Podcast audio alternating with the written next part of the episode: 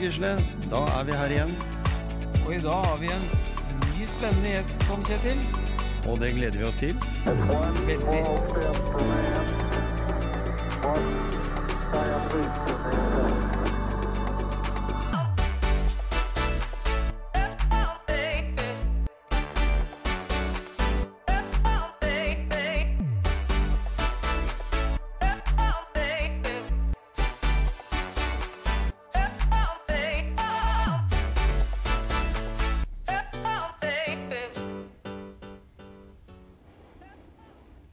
Ja, Gisle, da sitter vi her i studio. I dag så har vi eh, vært inne og sjekka med eh, Ligningskontoret, het det før.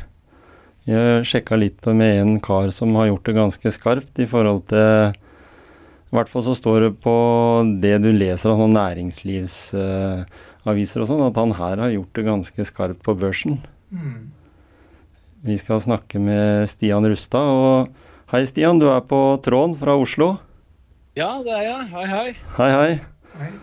Så bra du hadde tid til dette. Vi regner med at eh, med så mange prosjekter i kofferten, så kan det jo fort bli eh, ganske busy og vanskelig å nå. Du har jo sikkert noen du skal passe på hjemme òg.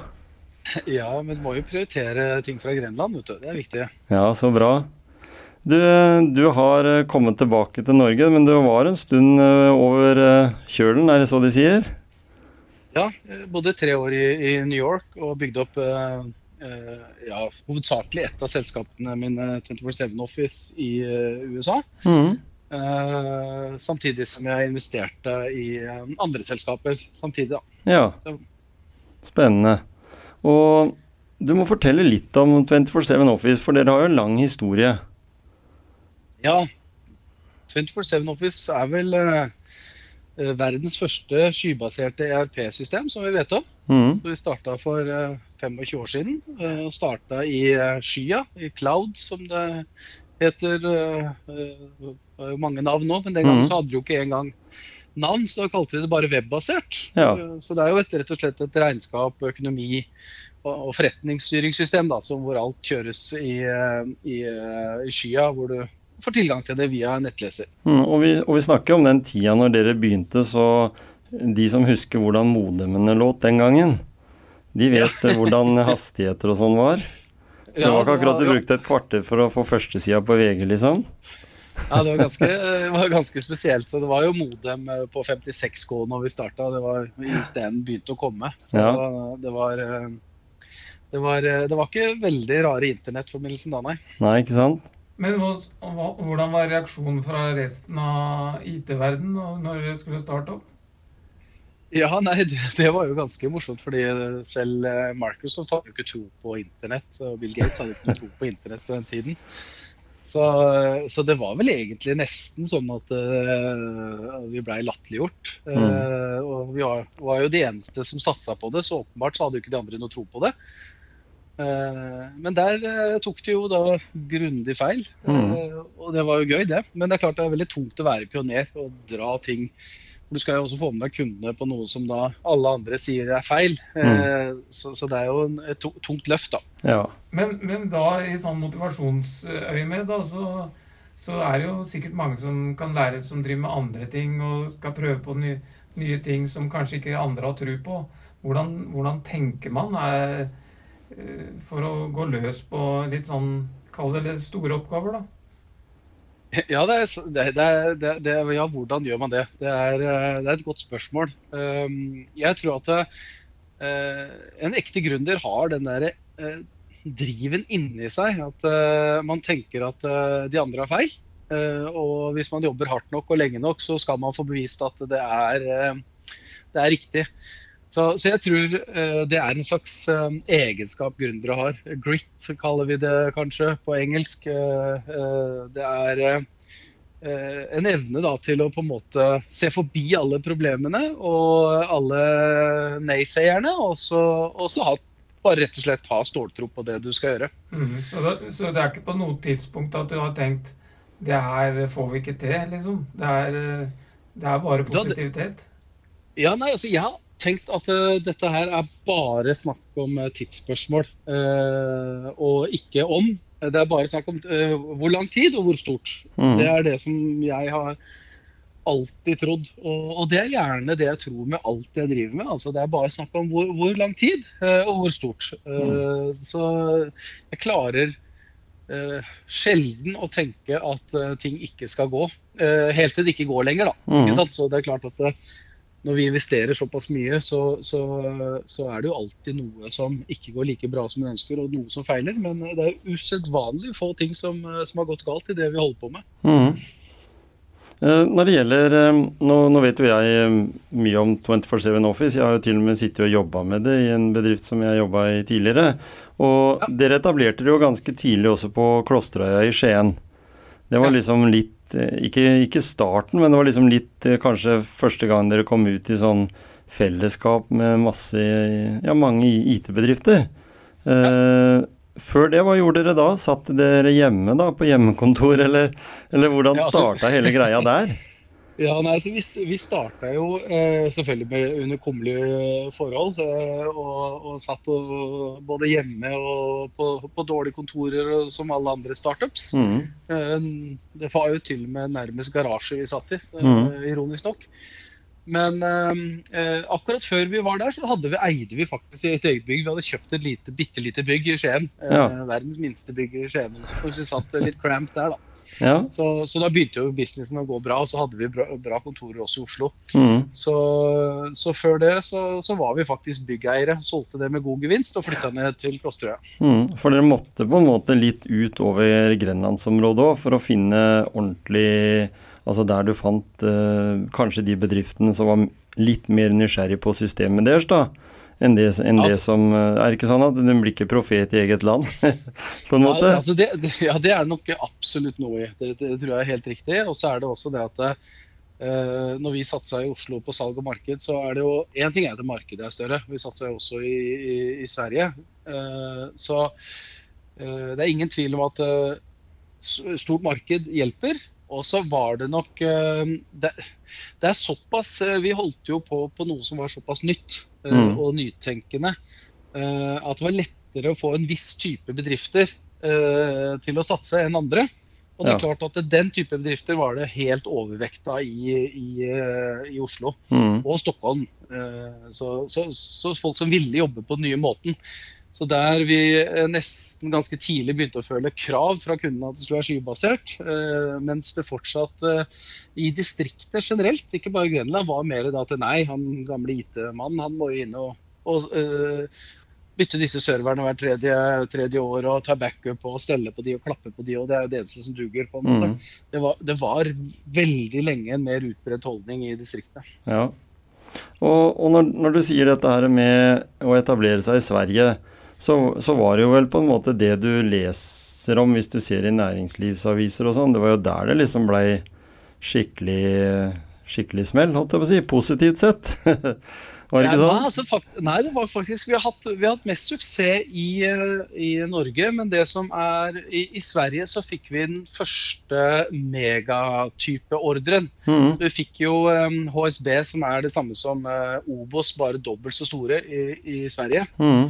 Så, så, det var nok den første sånn øh, ekstremt store ordre. De har jo 4000 øh, selskaper som skal kjøres gjennom øh, systemet. Mm.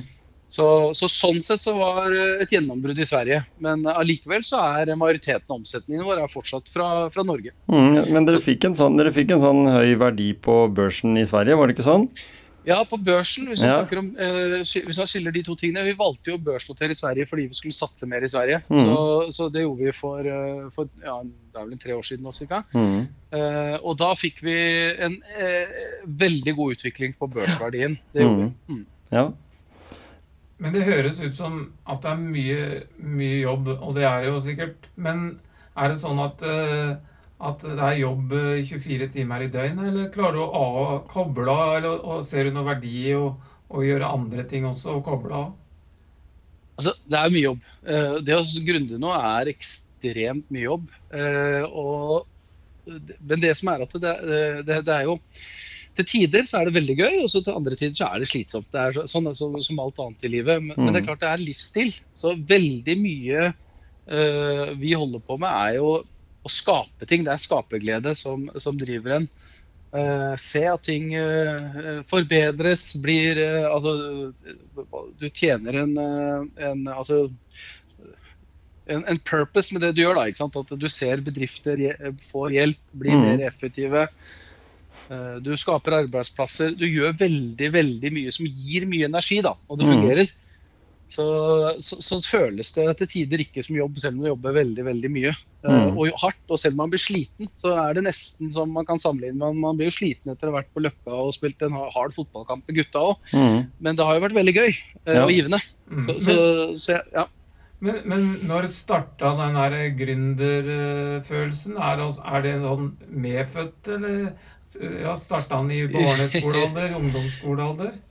Ja, altså jeg tenker at jeg alltid, så lenge jeg kan huske, har tenkt jeg skal starte meg selv. Så jeg har jo aldri jobba for noen. Så, så når jeg var ferdig med, med studiene, så, så, startet jeg Eller jeg var ett år på, på Nato-kvarteret i Brussel. Eh, eh, og det var jo under førstegangstjenesten, så det måtte jeg gjøre. Og så etter det så har jeg drevet for meg selv. Så, så jeg kan eh, ikke huske annet enn at jeg har tenkt at jeg, et eller annet skal jeg starte med. Mm. Og da har du jo hatt mange roller opp gjennom åra, og du er jo, som du sa her tidligere i praten, så har du jo vært med på forskjellige oppstarter, og du har vært med på vært gründer i flere typer selskap. Eh, nå vet jo vi også at du har gått inn eh, som en av eierne i Telemark Bryggeri, som vi ja. har som nærmeste naboer, faktisk. Eh, og det er jo en sånn en bransje som på en måte er litt sånn eh, risikofylt, da, for det er vel Altså hvis en ser på de, de, andre prosjektene du er med i, så har du ikke vært med i så mange prosjekter som har gått Eller som ofte sliter, da. Hvis du sammenligner med andre typer bryggerier, så har det jo vært eh, så det er vanskelig å få i gang. Så det er jo, liksom, der får du jo testa veldig ut akkurat den der eh, positiviteten og den tanken som du har, den motivasjonen med det å å bruke tid, bruke eh, alt det du har av energi for å få det opp å stå. For det har jo det har jo på en måte tatt litt tid, og så plutselig så er dere nå i gang med ulike prosjekter der. Og, og, det er jo på, og dere tenker litt mer eh, fremoverretta enn mange sånne sirumpabryggerier gjør, kan jo jeg si, da, for jeg kjenner jo den bransjen ganske godt.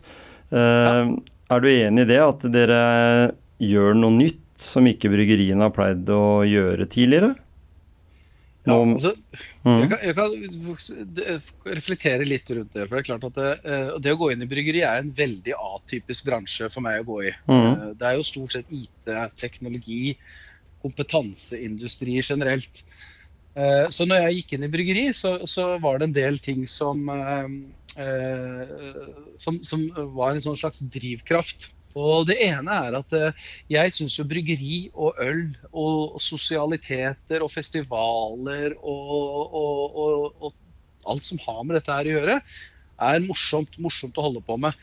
Det er et produkt, og det er noe håndfast, og det er et brand ikke sant? Som, mm. som på en måte uh, representerer noe helt annet enn jeg holder på med. Så, så, mye av drivkraften var rett og slett uh, det at det er morsomt å holde på med. Mm. Men så er det jo slik at når jeg går inn, så går jeg ikke inn hovedsakelig for bare det er gøy. Jeg tenker alltid business at det, her kan det være en mulighet. Uh, og det jeg så, er jo det at det var en ekstrem uh, konkurranse i bryggeribransjen. Mm. Aldri sett maken. Det er overetablering så det holder, og det er veldig, veldig vanskelig å lykkes. Mm. Så det er helt riktig også. Uh, og, og, og, og, da var jo det slik at det, det, trigget meg litt. Så tenkte jeg at her går jo en bransje som er den kanskje den vanskeligste å både gjøre noe nytt og snu og lykkes pga. konkurransen. Mm um, så, så, så, drivkraften igjen var kanskje uh, rett og slett at det er vanskelig. Ja. Uh, og så er det jo slik at det,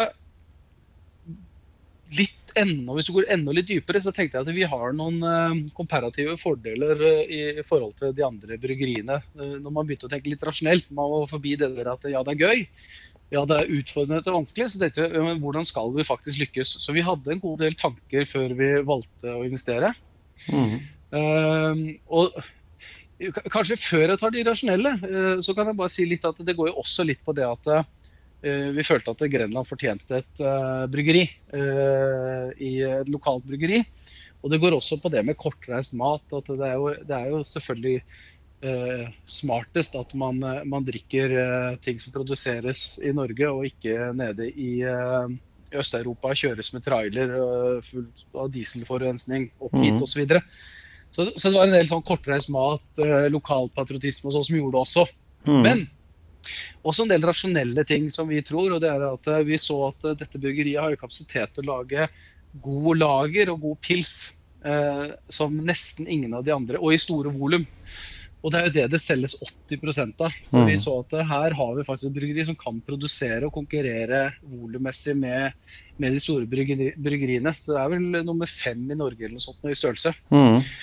Mens andre mikrobryggerier, og vi er egentlig ikke et mikrobryggeri, identifiserer oss ikke som et eh, mikrobryggeri. Eh, Vi er et eh, drikkevareselskap, et brandselskap, som, som kan levere, levere også volum. Kvalitet og volum. Mm. Så hvis du ser på småbryggeriene, så det produserer de liksom litt sære ting. ikke sant? Veldig, en veldig spesiell øl du kanskje orker én eller to av. ikke sant? Og det er klart det er vanskelig å drive butikk på det. Så, mm. så det var en av grunnene, sånn selve fabrikken, da. Mm. Men det- så er det også det at det, Ja, sorry. Nei, da bare kjør på. Ja, så er det jo det at uh, vi eh, sitter på ganske mye kunnskap om eh, marketing, online marketing, systemer, drift. Mm. eh. Eh, alt fra 24-7 Office, som vi har veldig mye på, selvfølgelig online og regnskapssystemer og bestillingssystemer, logistikk og, og produksjonssystemer og sånne ting. Og så har vi da eh, innen Intex-systemet så har vi mye eh, forsvarsteknologi og, og det å drive sertifisert og produksjon med krevende kunder som Kongsberg våpenfabrikk osv. Så, videre. så vi hadde en del prosesskunnskap. Og så eier vi jo Fullstack Marketing, så vi hadde mye online marketingkunnskap. Mm. Så vi tenkte at vi eh, kan veldig mye som ikke de andre bryggeriene verken har eh, kunnskap om eller har, har anledning til eller økonomi til å kunne kanskje kjøre i gang. Mm. Så vi tenker jo at vi kan kjøre i gang gode systemer, eh, bra med marketing og bra med branding. Ehm, så, så det var på en måte eh, en av de rasjonelle grunnene, og, og- det har vi jo allerede vist at vi klarer. Mm. Eh, sånn som nå så kjørte vi en folkeinvestkampanje. Og der er vi nå snart dobla den gamle rekorden med antall aksjonærer. Eh, og det er veldig viktig for oss, for det beviser to-tre ting. Og det ene er jo det at Uh, vår strategi er jo basert på at dette skal bli en folkeaksje. Vi vil at alle skal eie det med oss, være med på GF-en som en fest. Være lojale kunder og ambassadører.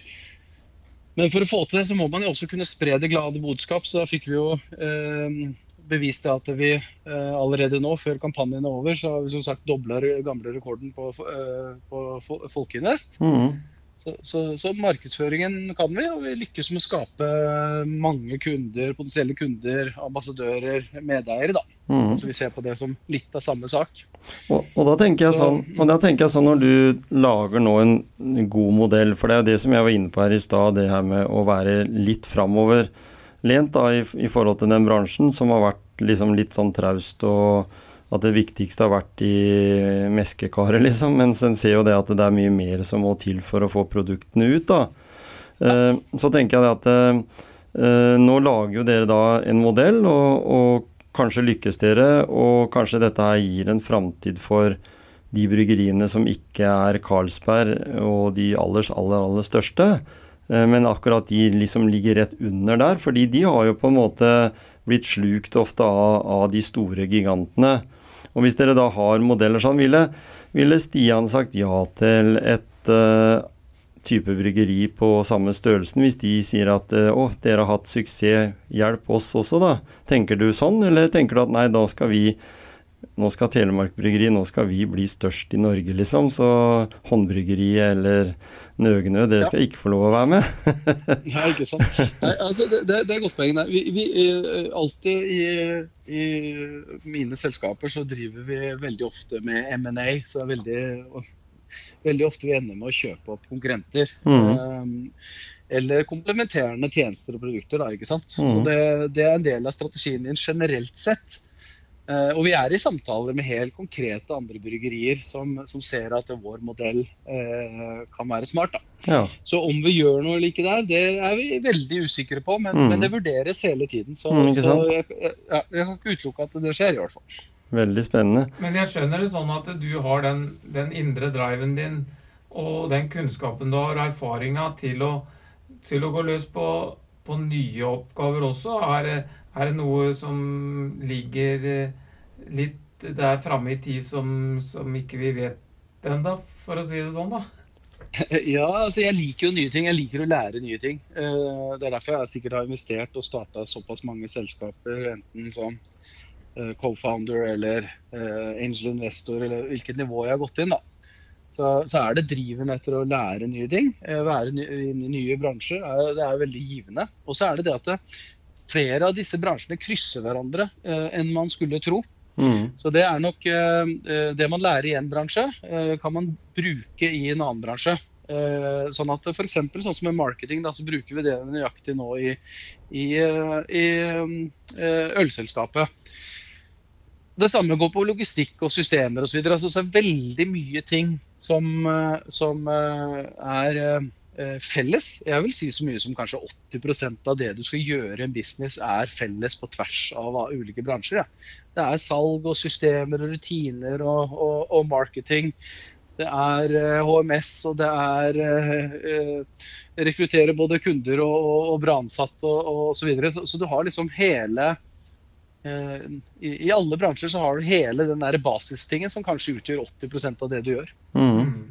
Så, så, det du, de erfaringene og den kunnskapen du har, har den, du kunne egentlig gått inn i noe som du egentlig kanskje ikke hadde så mye greie på i utgangspunktet. da. F.eks. i en idrettsforening eller en fotballklubb, og utvikle den til å bli enda sterkere. både økonomisk og, og sportslig da, etter hvert?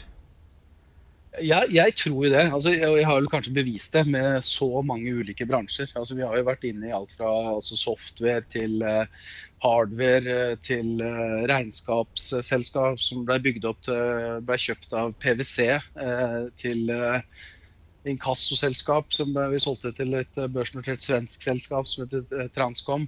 Så det er klart at det, det er ingen tvil om at med en allsidig erfaring så kan man nesten gå inn i hvem som helst bransje. Det tror jeg tør jeg påstå. Og, mm. og, og tilføre i hvert fall eh, verdi, da. Mm. Så jeg hører det, Einar Håndlykken. Er det bare å ringe? Eh, jeg tenkte også å spørre. Eh, du har jo vært, eh, eller jobba sammen med mange opp gjennom åra, vil jeg tro. Eh, kan ja. du nevne noen navn uten at vi skal Det er sikkert vanskelig å si sånn spesifikt, men har du noen som du føler har hjulpet deg spesielt på veien, eller er det sånn at du har et kjempestort team du vil takke for, for den hjelpa du har? For jeg regner med at eh, Stian har ikke gjort alt aleine? Nei, absolutt ikke. Det er vel kanskje noe av det viktigste eh, å drive business. Det er å vite eh, at man ikke kan være god i alt. Og det mm. finnes alltid folk som er bedre enn deg i ulike ting. Så det gjelder å finne de rette menneskene på de rette oppgavene. Mm.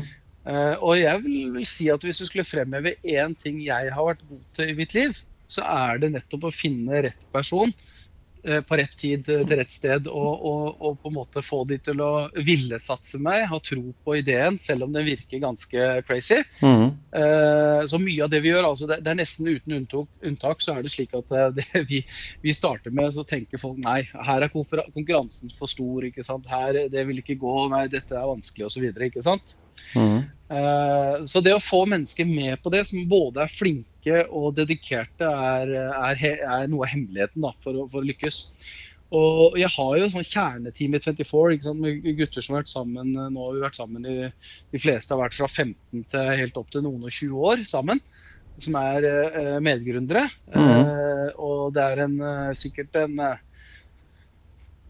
ja, en ti ti-tolv stykker som på en måte er med i den klubben. Så, mm. så 24 så har jo de vært selvfølgelig veldig viktige. Men så har det mm. kommet også mange langs veien som har vært kortere, som har vært ti år, men som har vært utrolig viktige på andre deler av utviklingen av selskapet og sånn. Så, så, jeg vil jo si at uh, i 24 så er det uh, en 30-40 som har gjort en ekstremt viktig innsats. Uh, på en måte sånn langt utover det man kan forvente.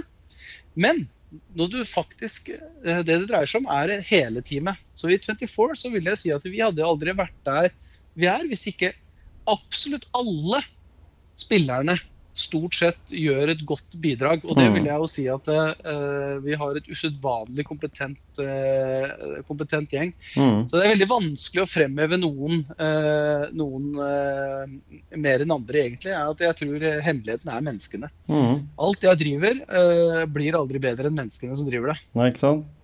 Og så har vi jo da privatpersonen Stian. da. Hva, hva gjør du når du vi holder deg litt i form, eller hva, hva, hva er din på en måte drive der, da? Fordi du Jeg regner jo med at kombinasjonen Det sier jo i hvert fall veldig mange at ok, du jobber mye, du har stort arbeidspress, lange dager.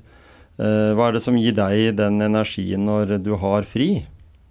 Altså, jeg har, har vel fire aktiviteter, eh, og en av de står jeg nesten tripper etter og ser utover nå. Det er en, eh, en eh, fulldemper sykkel, så jeg skal ut og kjøre eh, enduro i skogen oppe i Nordmarka. Ja.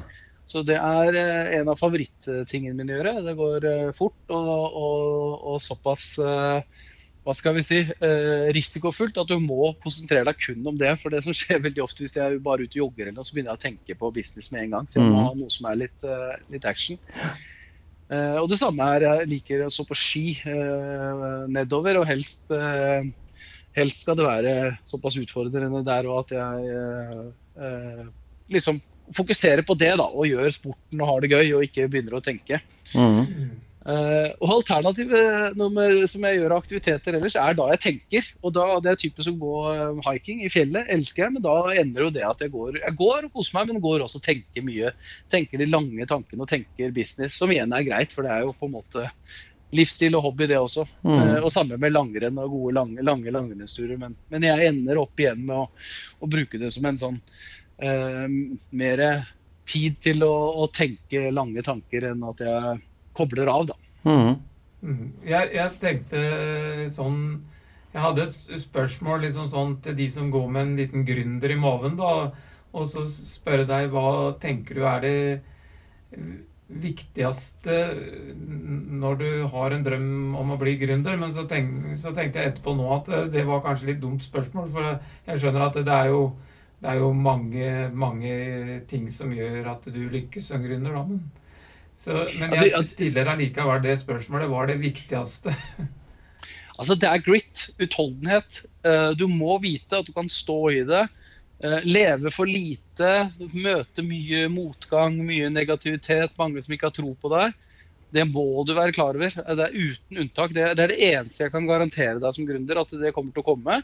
Eh, og eh, det er det å ikke gi opp da. Bare eh, jobbe hardt og stå på gjennom det. Og det er så mange gründere jeg kjenner som idet det er som mørkest og folk har minst tro på deg, så plutselig snur det og, og, og, og løsner.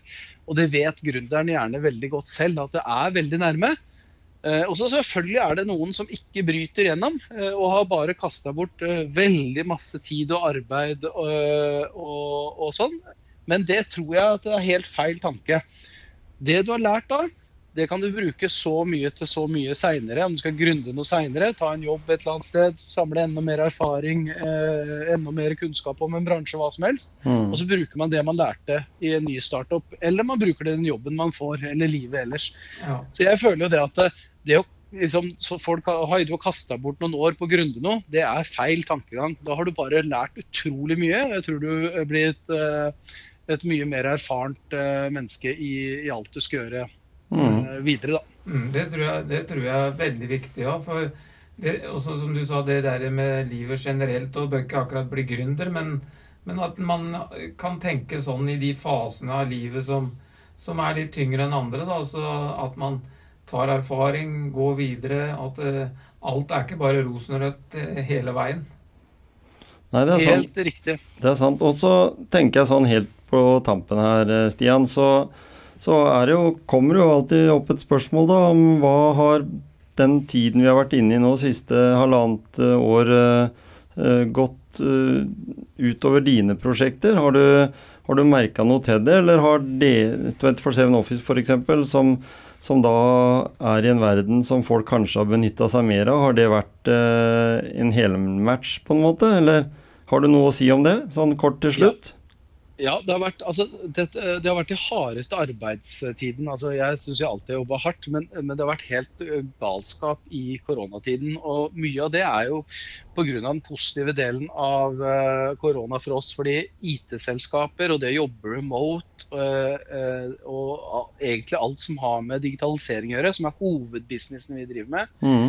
har jo fått enormt drahjelp både på vekstsiden og investorsiden. Så, så, selskapene som jeg er involvert i, har sikkert henta godt over en milliard kroner i løpet av de 15 månedene her nå. Det er jo, det er jo store tall til å være eh, i Norge, og ikke minst eh, fra eh, Grenland. ikke sant? Så, mm. sånn at Eh, de 15 månedene har jo nesten skjedd mer på kapitalsiden, investorsiden eh, og vekstsiden enn enn veldig mye mange år tidligere. Så, så, sånn sett så har det vært knallhardt. Utrolig mye jobb. For da at vekst og endring på, på positivsiden krever mye jobb. Mm. Og så er det slik at jeg er jo inne i noen eh, andre eh, prosjekter, sånn som f.eks. bryggeriet. Så mm. hadde vi tenkt å gå satse Horeka, og så plutselig måtte vi snu oss rundt og så satse heller mot eh, dagligvare. Mm. Så noen av prosjektene har jo plutselig fått uh, omstilling på den måten som er mer sånn utfordrende. Da, ikke sant? Mm. Uh, og, og, flere andre selskaper uh, som er mer i den tradisjonelle forretningsverden, har hatt mer utfordringer. Men i sum så utgjør de veldig lite av min, min business. Så, så, for meg så har det vært et eventyr med med korona, så jeg har nesten dårlig samvittighet uh, på, på, en måte. Men, men uh, det, er, det, er, sånn det er å være i digital business, da. Mm. Og, så, er det jo litt sånn at uh, vi så jo det her med koronaen. Det var jo, tenker jeg, sånn som skoler og utdanningsinstitusjoner og sånn. de der satt det ofte veldig mye langt inne, i hvert fall spesielt for de som var lærere og sånt, å igangsette seg med å bruke nettbaserte løsninger. Men de måtte bare tilpasse seg. Så det har også vært kanskje noe med hele den greia at vi har jo blitt et mer eh, online-basert eh, samfunn, da, fordi vi har på en måte mm, ikke hatt noe alternativ. Så vi blei jo på en måte sparka inn i noe som den skolebiten ville kanskje ha brukt, eh, eller bedrifter òg, ville brukt mange, mange år på. Det skjedde liksom på to og en halv, tre måneder, så måtte du bare. Så... Jeg tror, tror, omstillingen som har vært der, digitalt, både på bedrifter og privatpersoner og skole, alt har vært helt fantastisk eh, nyttig. Jeg tror vi kommer til å få enorm gevinst av det. Mm. Både eh, økonomisk, men også ikke minst miljømessig. Jeg tror veldig mange har fått en oppvekker med hva som skjer når vi hogger ned skog og dyrene kommer nærmere innpå oss og alt dette her. Mm. Jeg tror folk har fått eh, også en eh, rett og slett en lærdom at man må ikke sette seg på et fly for hver eneste minne, minste lille møte ikke sant, i forretningslivet og sånne ting. Så, mm. så, så summen av korona, hvis du ser fra Norge sin del, da, som er et land som har kommet godt mellom det. Hvis du, hvis du ikke ser Selvfølgelig det er tragisk med, med dødsfall, men, men, summa summarum samfunnsøkonomisk, mm. så er det ikke sikkert uh, at korona er det verste Norge har vært gjennom, for å si det sånn. Og, og, du har jo vært med på å utvikle 24-7 Office. Da tenker jeg det at uh, selv om du sikkert har utrolig dyktige selgere, så skal du nå helt sånn på tampen nå, eller på slutten, få lov å si tre ting som du mener er uh, outstanding når det gjelder 24-7? Altså programvare, bruken av det for bedrifter. Så har vi kanskje noen av lytterne våre som må tenke nye veier. Litt ja, reklame. Altså, ja, ja, men det kan jeg gjøre gjerne. Det aller viktigste jeg, som jeg vil trekke fram, er at vi har kommet veldig langt med automatisering. Sånn at uh, der man uh, i gamle dager satt og tok imot fakturaer og punsja det inn, så går jo det enten digitalt med EOF eller med Eh, eh, AI eh, som leser fakturaen og tolker den helt ned på linjenivå. Mm. Og i tillegg bruker kunstig intelligens til å bokføre automatisk. sånn at så vi ser På HSB så har de spart enormt, altså titusenvis av timer på bokføring f.eks. som i Sverige, som vi snakket om i stad. Mm. Så, så, automatisering eh, og bruk av kunstig intelligens er automatisk håndtering. Og samme på eh, integrerte banksystemer hvor godt vi er integrert med, med, med bank. Mm. Eh, sånn at betaling og, og ikke skjer noe dobbeltpunching av det. og Det skjer automatisk og rett fra systemet til alle banker. Og så er det generelt det tredje jeg vil si, er at totalintegrasjonen med hele systemet. At du har integrert uh, alle mulige moduler. Alt fra produksjonssystem til, til lagerlogistikk til CRM, eh, gruppekalender og mail osv. Altså hele helheten da, eh, kan du bruke, enten med våre systemer eller med tredjeparts skybaserte systemer som er helt eh, integrert med single sign-on inn i systemet. Mm. Så mm, eh, det, er, det er få systemer du kan bruke så allsidig og på så store bedrifter, og, og i tillegg er skybasert som 24-7 Office i hele Europa, faktisk. Mm. Det var veldig bra reklame, syns jeg, Stian. Ja, så bra. Så, så hadde vi i podkasten eh, Motivasjonsprakt vært store nok, så skulle vi jammen meg satsa på 24-7 Office, skulle vi ikke det, Gisle? Jo, jeg tror det. Ja. Og så må jeg si det Med den preiken vi har hatt nå, så kjenner jeg at jeg blir inspirert. I, ikke det at jeg er så veldig god på det med, med akkurat det der eh, data og det der, men eh, jeg trekker inn mye av det eh, du sier, Stian, med det der Altså at du kan overføre den tankegangen inn i andre ting, da Mm. både idrett og også Jeg er veldig opptatt av det livet generelt, da. Og så liksom bruke de der verktøya som, som fins. Mm. Det tror jeg er helt riktig. Så det, jeg er glad å høre at jeg kan eh, påvirke positivt på, på andre ting. Det er bra. Mm. Da takker vi for en hyggelig prat. Så, I eh, like måte. takk Veldig for det. hyggelig. Og så får du ha en fortsatt fin dag. så plinger vi vel på, vel egentlig, når eh, det klirrer i flasker ved sidene her. Veldig bra. Jeg skal Ja. få minne om en øl ja, når jeg er der. Det er så bra. Tusen takk. Ha det godt, da. Hei.